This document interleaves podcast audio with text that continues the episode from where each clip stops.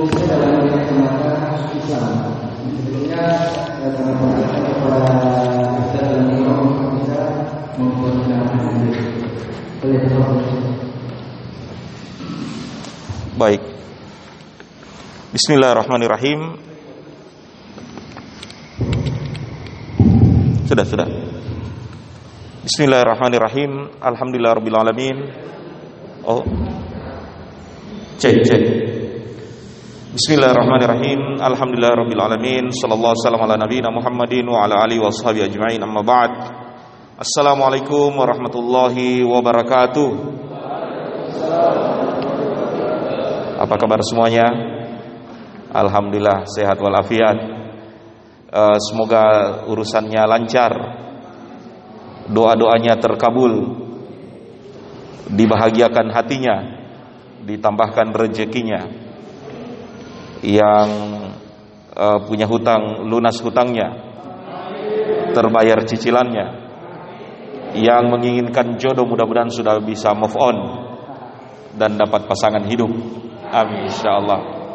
Doa yang sama kita doakan pada Pak Kalapas dan Pak Dandim selalu Allah taala mudahkan urusan mereka. Allah taala jaga keluarga mereka dan di dalam karir Allah Subhanahu wa taala selalu beri kelancaran amin ya rabbal alamin. Yang kami hormati Bapak Kalapas anak ya mohon dengan rapat virtual.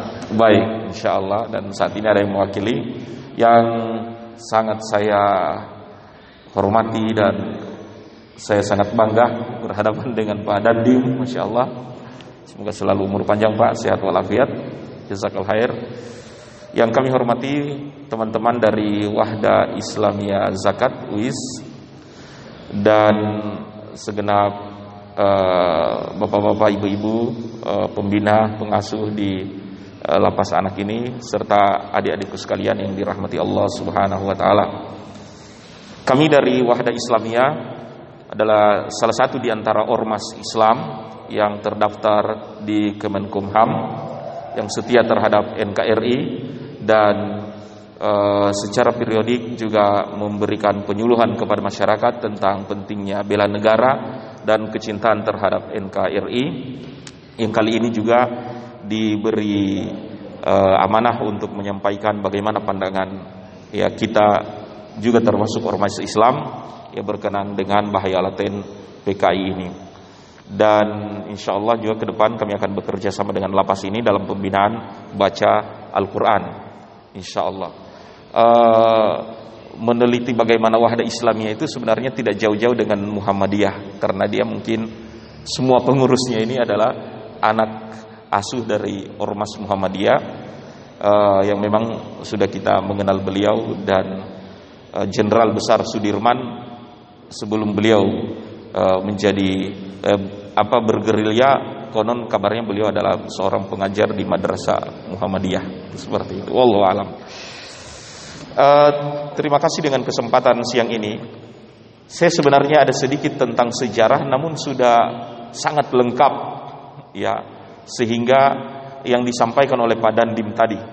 Sehingga apa yang saya sampaikan ini sebenarnya sifatnya hanya sebagai tayamum dan air itu ada Pak Dandim. Dan kalau sudah ada tayam dan kalau sudah ada air tidak berguna lagi tayamum. Cuma memang uh, tidak enak juga kalau saya hanya memberi pengantar seperti ini.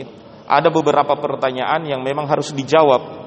Sebab generasi milenial ini dengan uh, lancarnya informasi dari dua arah termasuk dari pihak uh, PKI sendiri ya.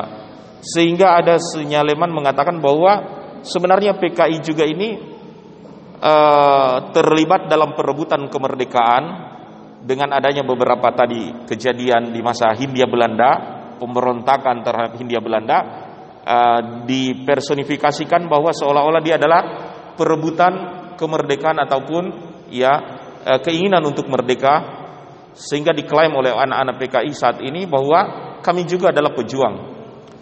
Uh, saya pribadi sendiri di awal memahami hal ini saya mengira keadaan Indonesia seperti keadaan Madinah Sebelum Rasulullah SAW masuk ke kota Madinah, Madinah dikuasai oleh tiga suku Aus, Khazraj dan Yahudi.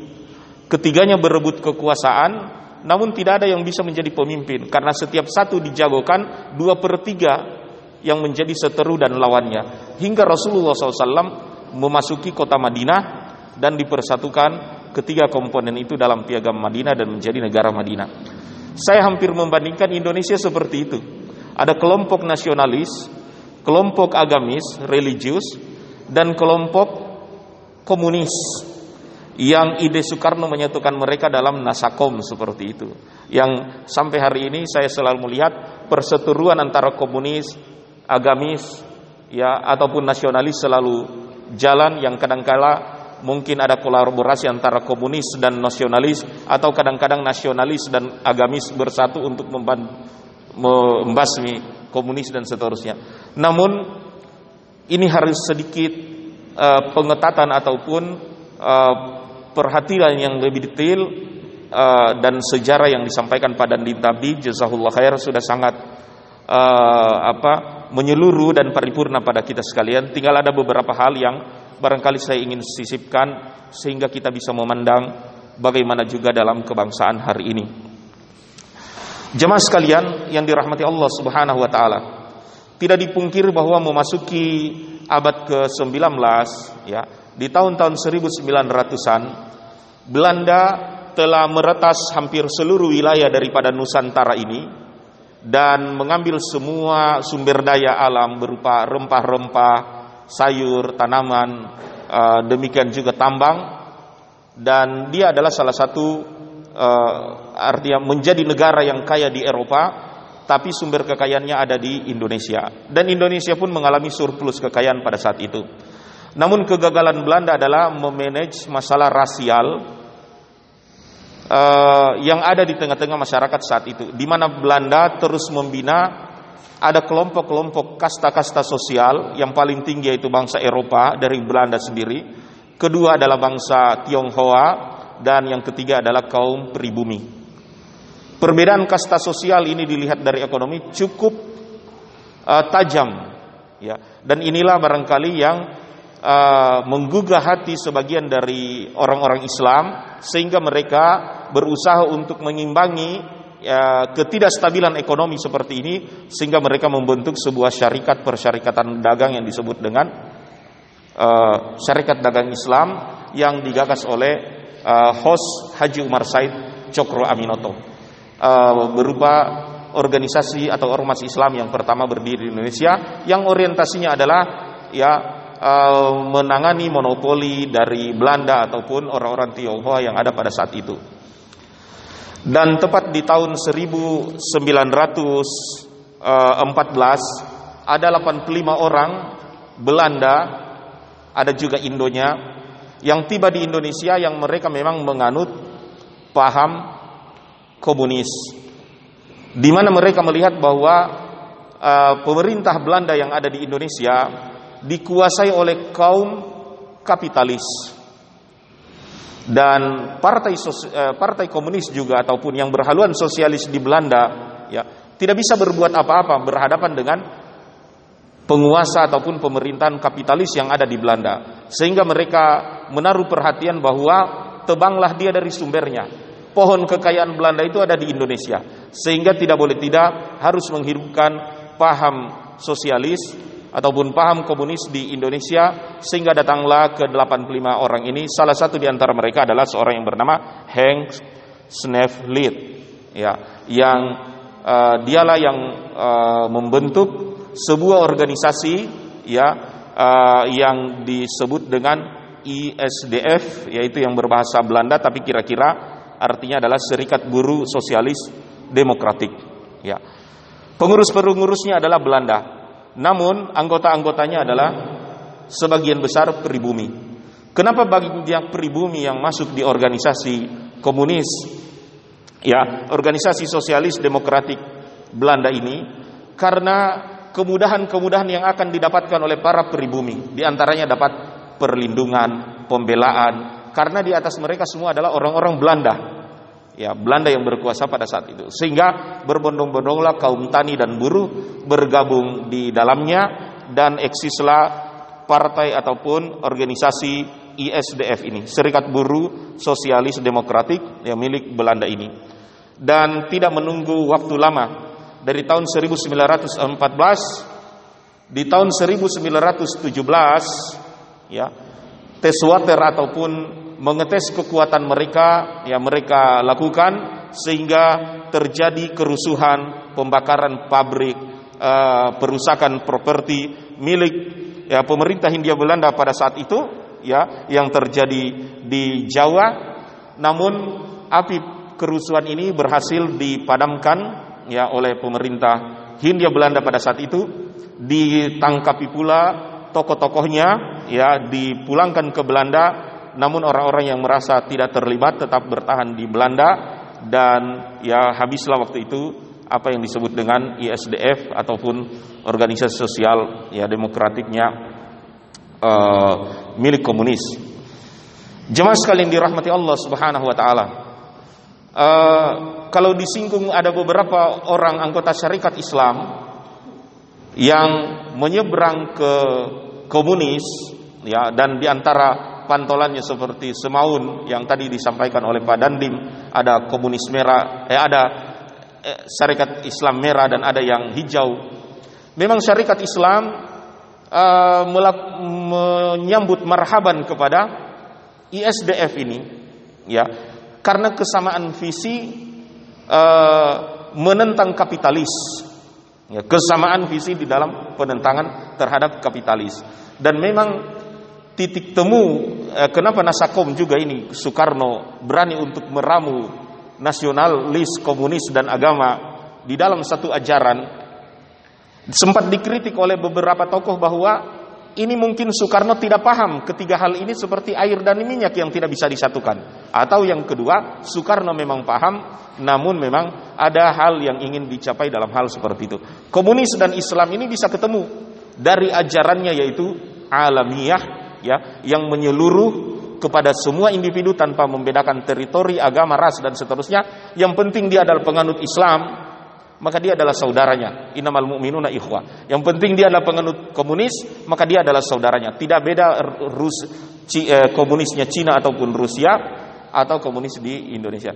Uh, namun sebelum saya lanjut Pak Komandan barangkali uh, sabar terus mendengar saya kalau ada keperluan nggak apa-apa juga ya apa Ya, artinya saya tidak memaksa duduk di sini sebab apa yang saya sampaikan kan mungkin eh, Pak Dandim lebih tahu. Ya, jazakal khair.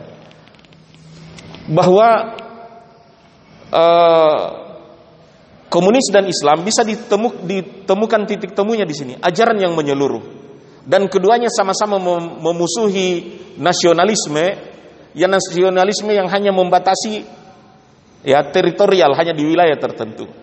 Dan inilah permusuhan nasionalisme dengan Islam atau nasionalisme dengan komunis itu sendiri ya. Karena nasionalisme sifatnya kedaerahan. Dan sampai hari ini kita bahkan mendengar sering mendengar ya celaan terhadap Islam uh, dari orang-orang nasionalisme yang katanya telah menghilangkan baju adatnya ya uh, bahasa kedaerahannya dan seterusnya karena dilibas diramu oleh Islam ya uh, dihancurkan semua budaya atau kearifan-kearifan lokal itu. Seperti itu tuduhannya. Dan kita kembali lagi kepada pembicaraan tadi jemaah sekalian dirahmati Allah. Jadi alasan dari beberapa tokoh Islam menyeberang ke komunis karena kesamaan visi ini. Menentang kapitalisme, ya, penguasaan alat-alat kerja yaitu eh, apa? tanah, alat produksi dan seterusnya hanya dikuasai oleh segelintir orang. Kapitalis kan seperti itu, tidak mau berbagi. Ya, kaum muslimin ter, uh, tertarik bahwa ajaran sosialis bagus karena tidak boleh seorang memiliki tanah yang luas sementara yang lain tidak memiliki hanya penggarap. Ya, harus dikuasai negara tersebut ya seluruhnya kemudian dibagi-bagi kepada rakyatnya dan seterusnya. Nah, jemaah sekalian dirahmati Allah Subhanahu wa taala, uh, kerusuhan yang terjadi tahun 1917 ini membuat tokoh-tokoh Belanda itu pulang namun pemerintah Hindia Belanda mereka yang represif menangkap pengikut-pengikut ataupun para buruh, para tani yang terlibat ataupun sebagai pengikut dari organisasi ISDF ini. Ya. Padahal pemimpin-pemimpinnya lengkang kangkung ke Belanda. Sekali lagi eh, orang-orang yang digantung, dibunuh, dibantai oleh Belanda ini bahkan ada sebagian yang diungsikan ke eh, Irian ataupun Papua. Sekali lagi eh, kerusuhan ataupun pemberontakan itu yang menanggungnya ada rakyat kecil.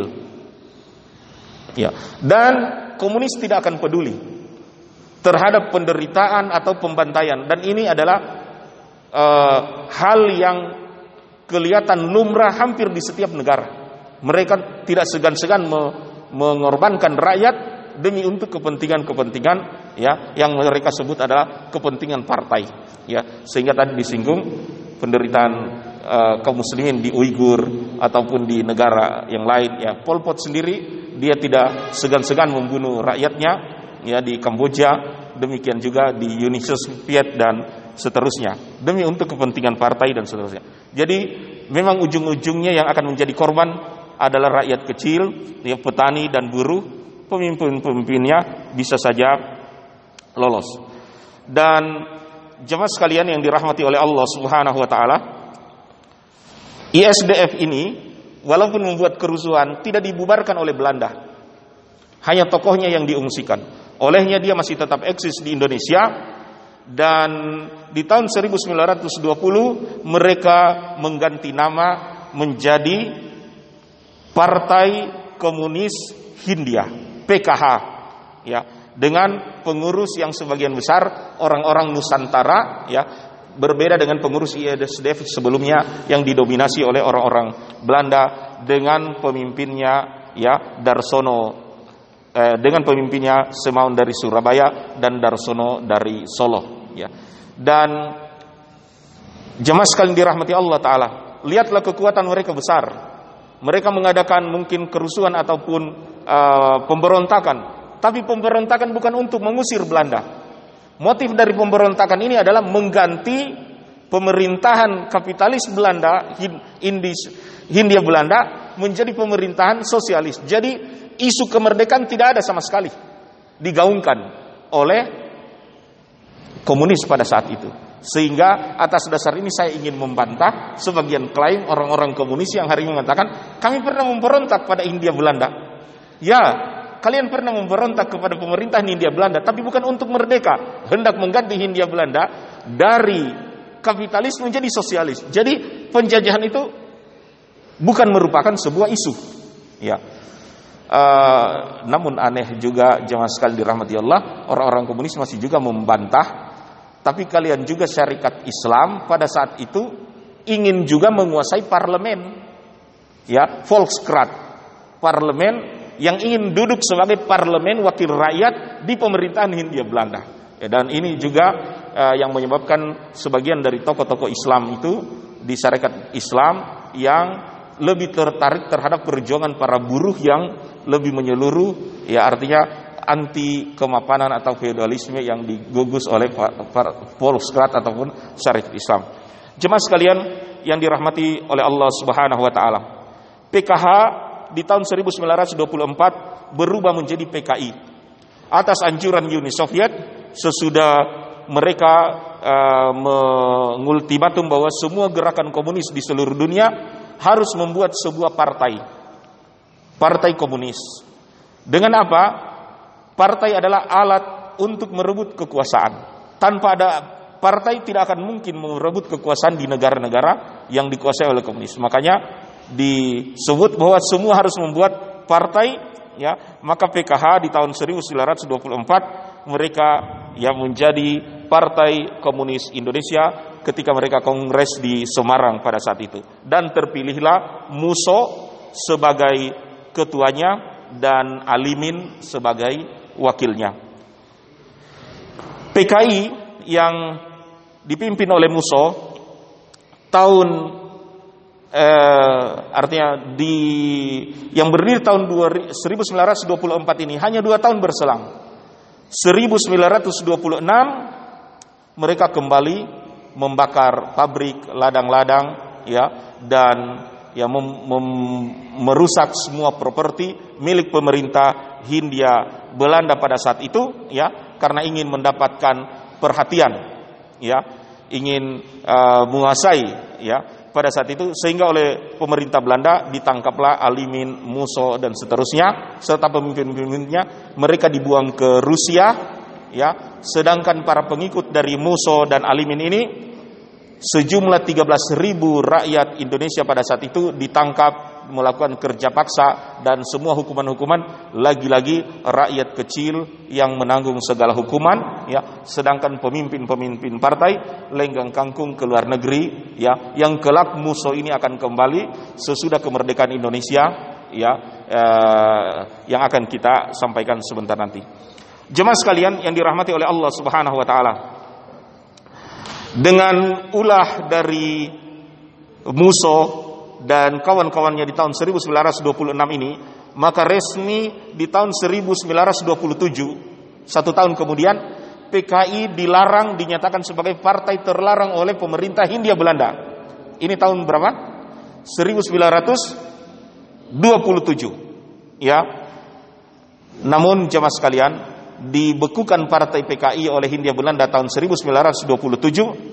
10 tahun kemudian pemerintah Hindia Belanda tahun 37 masih mengizinkan pemimpin-pemimpin ya, pemimpin-pemimpin uh, PKI bekas pemimpinnya seperti Muso ya dan Alimin untuk kembali di Indonesia. Kembalinya Muso dan Alimin ini bergerilya dari kampung ke kampung mengkonsolidasi kekuatan ya dan mereka jemaah sekali dirahmati Allah disebut dengan kekuatan bawah tanah pada saat itu. Ini di tahun 1937 ya menjelang kemerdekaan. Kita akan jeda sedikit. Ini tahun 37, tahun 40 eh, sampai datang tahun 45 adalah tahun-tahun di mana pergolakan di Indonesia ketika datang eh, tahun 42 datang Jepang ke Indonesia. Kita bangsa Indonesia disibukkan dengan perang ya Asia Timur Raya pada saat itu dengan datangnya Jepang yang kita kira tamu padahal dia juga kembali menjajah. Tidak ada sejarahnya PKI mengkonsolidasi kekuatan rakyat untuk melawan Jepang pada saat itu. Dan tidak hadir. Padahal pemimpin-pemimpin kita berurusan dengan Jepang hingga tahun 45 sendiri. Ketika dibentuk BPU PKI dan ini ingin saya sampaikan bagaimana pandangan kita umat Islam. Panitia persiapan untuk persiap, kemerdekaan Indonesia dibentuk itu tidak ada satu orang pun orang komunis yang jadi panitia persiapan kemerdekaan Indonesia. Justru yang hadir yang menjadi panitia BPU PKI itu yang sekitar berapa orang? 28 atau 3. Ya, 30-an orang. Minta maaf saya tidak sempat hafal jumlah BPU PKI itu. Ya. Uh, panitia BPU PKI yang tidak sampai 100 orang, hanya puluhan, tak satu orang pun orang PKI di situ. Yang ada di dalam hanyalah orang nasionalis dan religius, agamis. Tercatat bahwa tiga kiai yang ada di dalam itu, ya menjadi panitia, uh, bahkan mereka menjadi formatur. Ya dari BPU PKI itu dia adalah uh, Hasim uh, Ash'ari dari Nahdlatul Ulama, Wahid Hasim dari Nahdlatul Ulama, ada Kiai Kahar Muzakir dari Muhammadiyah, ada Kiai Haji Agus Salim dari Syarikat Islam.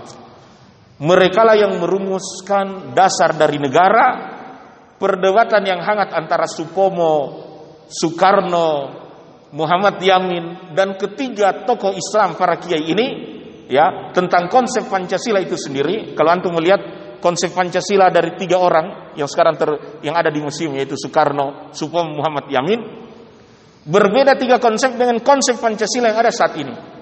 Soekarno menempatkan sila ketuhanan di sila yang ketiga, ya, atau Muhammad Yamin di ketiga, Soekarno uh, yang kelima. Supomo tidak mencantumkan sama sekali sila ketuhanan.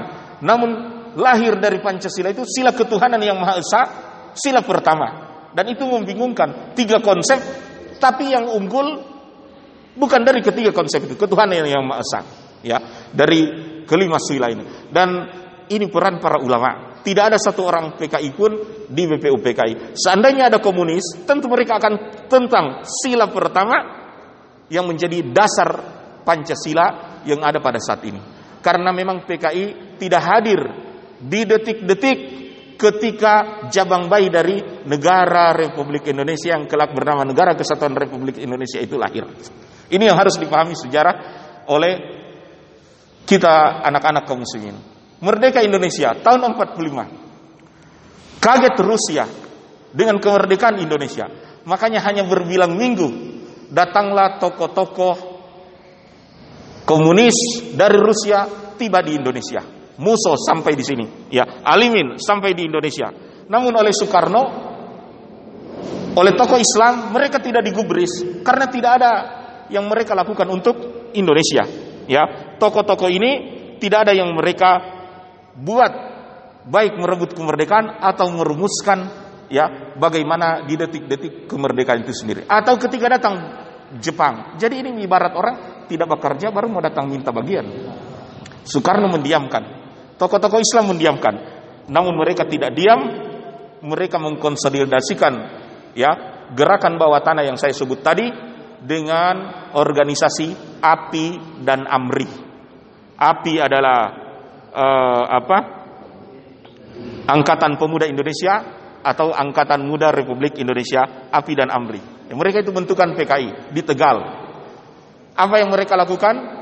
Karena tidak mendapatkan tanggapan Soekarno, di Tegal mereka membunuh camat, menangkap para ulama, para lurah yang tidak pro PKI. Bahkan tentara dan polisi ya tidak juga mereka biarkan seperti itu. Ya. Jamaah sekalian dirahmati oleh Allah Subhanahu wa taala.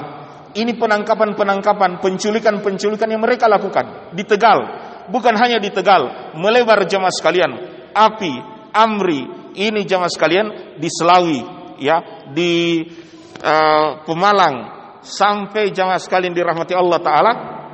Mereka ada yang disebut dengan C Mamat, ya, yang di Banten, ya, mereka membunuh Oto Iskandar Dinata.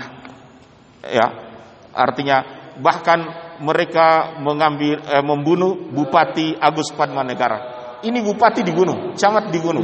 Tidak terkecuali juga tentara dan polisi yang tidak berpihak kepada komunis. Kerusuhan-kerusuhan ini yang terjadi ini jemaah sekalian di bulan-bulan Oktober sampai November 1945 adalah tekanan untuk Soekarno karena tidak menggubris mereka. Ya tidak memberi kue kekuasaan. Makanya teror ini terhadap Soekarno seperti ini tidak boleh tidak ya uh, membuat Soekarno untuk berhitung kembali. Karena Indonesia masih jabang bayi tapi sekarang sudah berhadapan dengan pemberontakan dalam negeri. Inilah yang menyebabkan Soekarno akhirnya ya uh, menerima mereka. Dan PKI sendiri mendeklarasikan di tahun 45 bulan Oktober 21 Oktober mendirikan kembali partai yang sudah dibubarkan Hindia Belanda dengan nama Partai Komunis Indonesia. Dan tekanan atau kekacauan-kekacauan seperti ini yang dibuat oleh PKI menyebabkan Soekarno eh, jemaah sekali dirahmati Allah mengangkat Amir Syarifuddin sebagai perdana menteri. Jadi kebesaran hati dari Soekarno itu. Eh, saya pribadi tidak tidak setuju menyebut Soekarno itu PKI. Beliau bukan PKI, ya, tapi PKI yang memanfaatkan Soekarno dan menekan Soekarno karena penculikan-penculikan uh, gubernur saja di Jawa Timur, ya, ya, gubernur Jawa Timur itu dibunuh oleh PKI.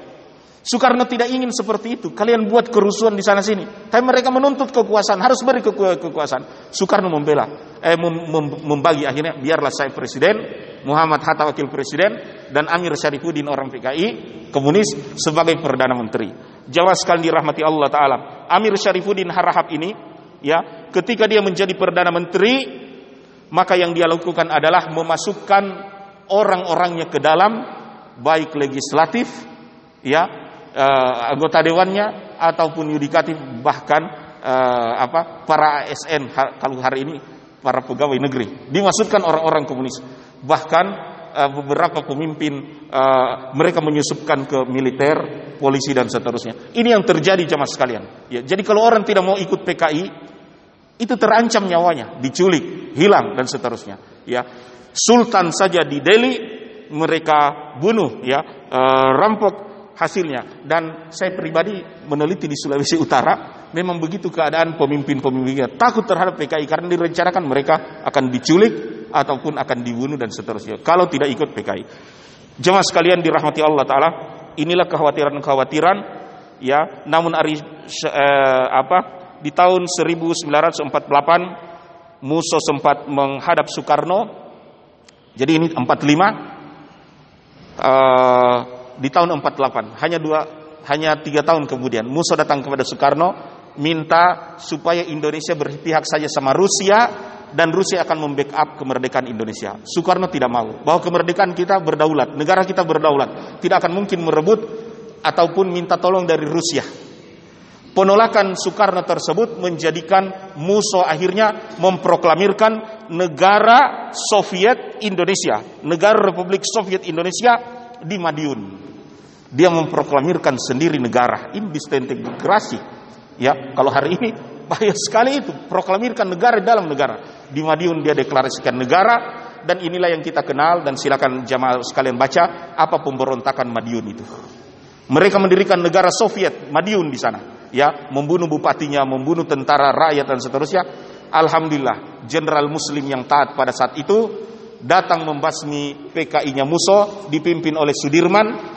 Pak Dirman sendiri sebenarnya agak khawatir karena Jawa Tengah telah disusupi, makanya dia datangkan pasukan dari Jawa Timur, ya, dari Jenderal ya, dari dari Jawa Barat Siliwangi dan uh, juga dari Jawa Timur, ya, yang dipimpin oleh Jenderal Gatot Subroto. Ya, jadi tentara dari Jawa Timur, dari Siliwangi yang menyisir musuh pada saat itu. Singkat cerita, Jawa sekali dirahmati Allah, tahun 48 ya, musuh dihancurkan oleh TNI ya, dan tidak sedikit orang yang diculik sampai hari ini masih ada tujuh sumur neraka. Masing-masing sumur ada 200 orang tulang belulang manusia dalamnya ada kiai, ada santri, ada tentara, ada polisi, ada camat, ada lurah di dalam satu sumur tersebut. Ya jadi penculikan-penculikan terhadap orang yang terang-terangan menentang PKI sangat sangat masif pada saat itu.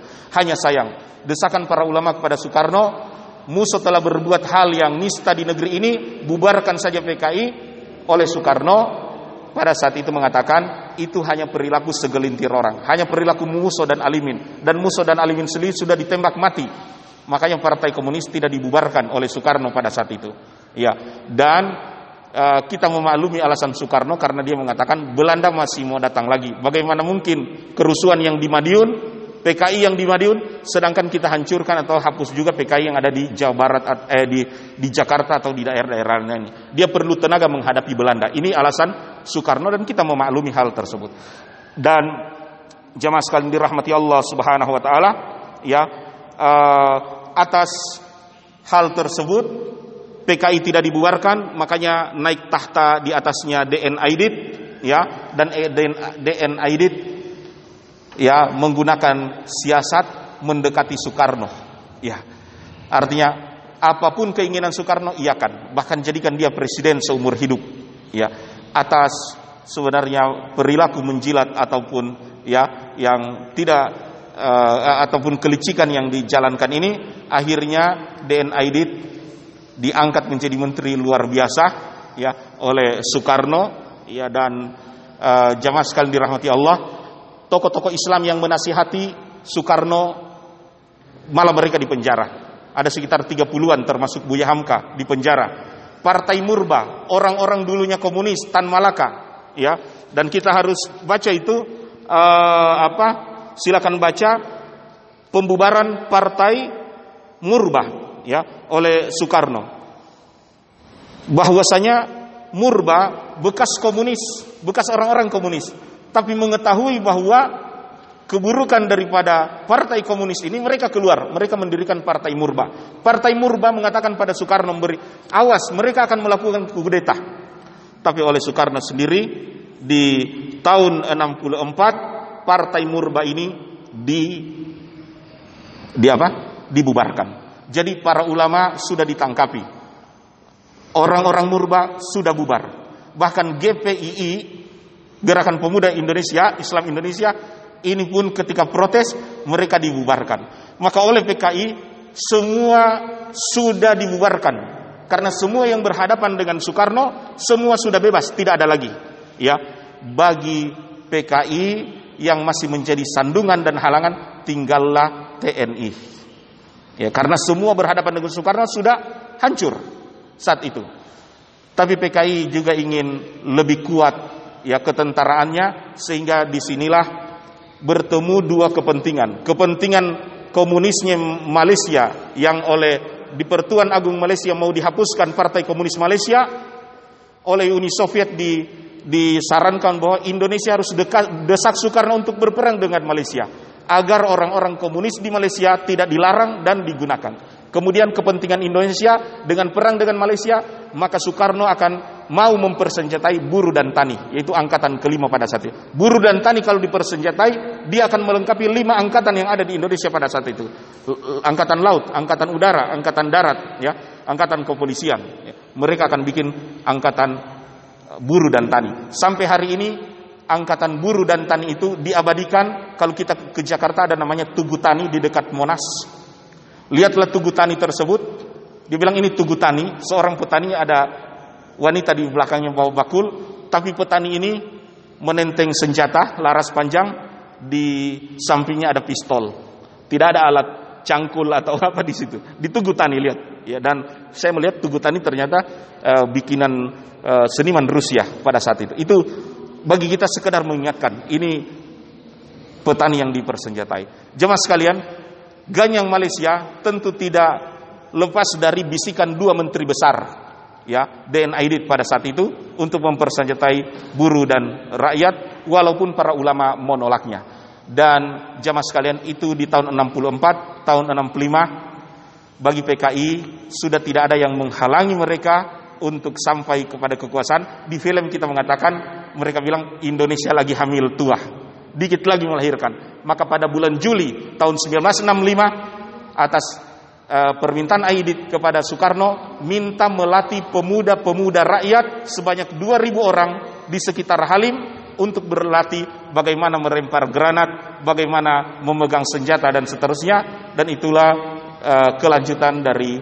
ya apa yang barangkali kita tonton dan seterusnya ya satu-satunya menjadi penghalang bagi mereka adalah TNI dan mereka memfitnah TNI bahwa mereka mau melakukan kup ataupun kudeta kekuasaan ya.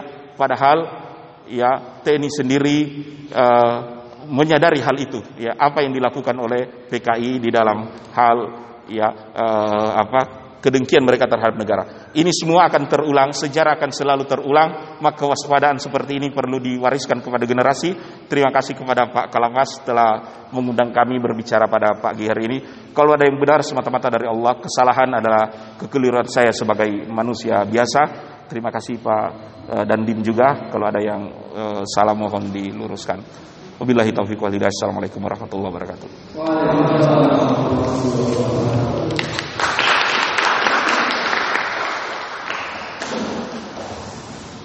آه، فقد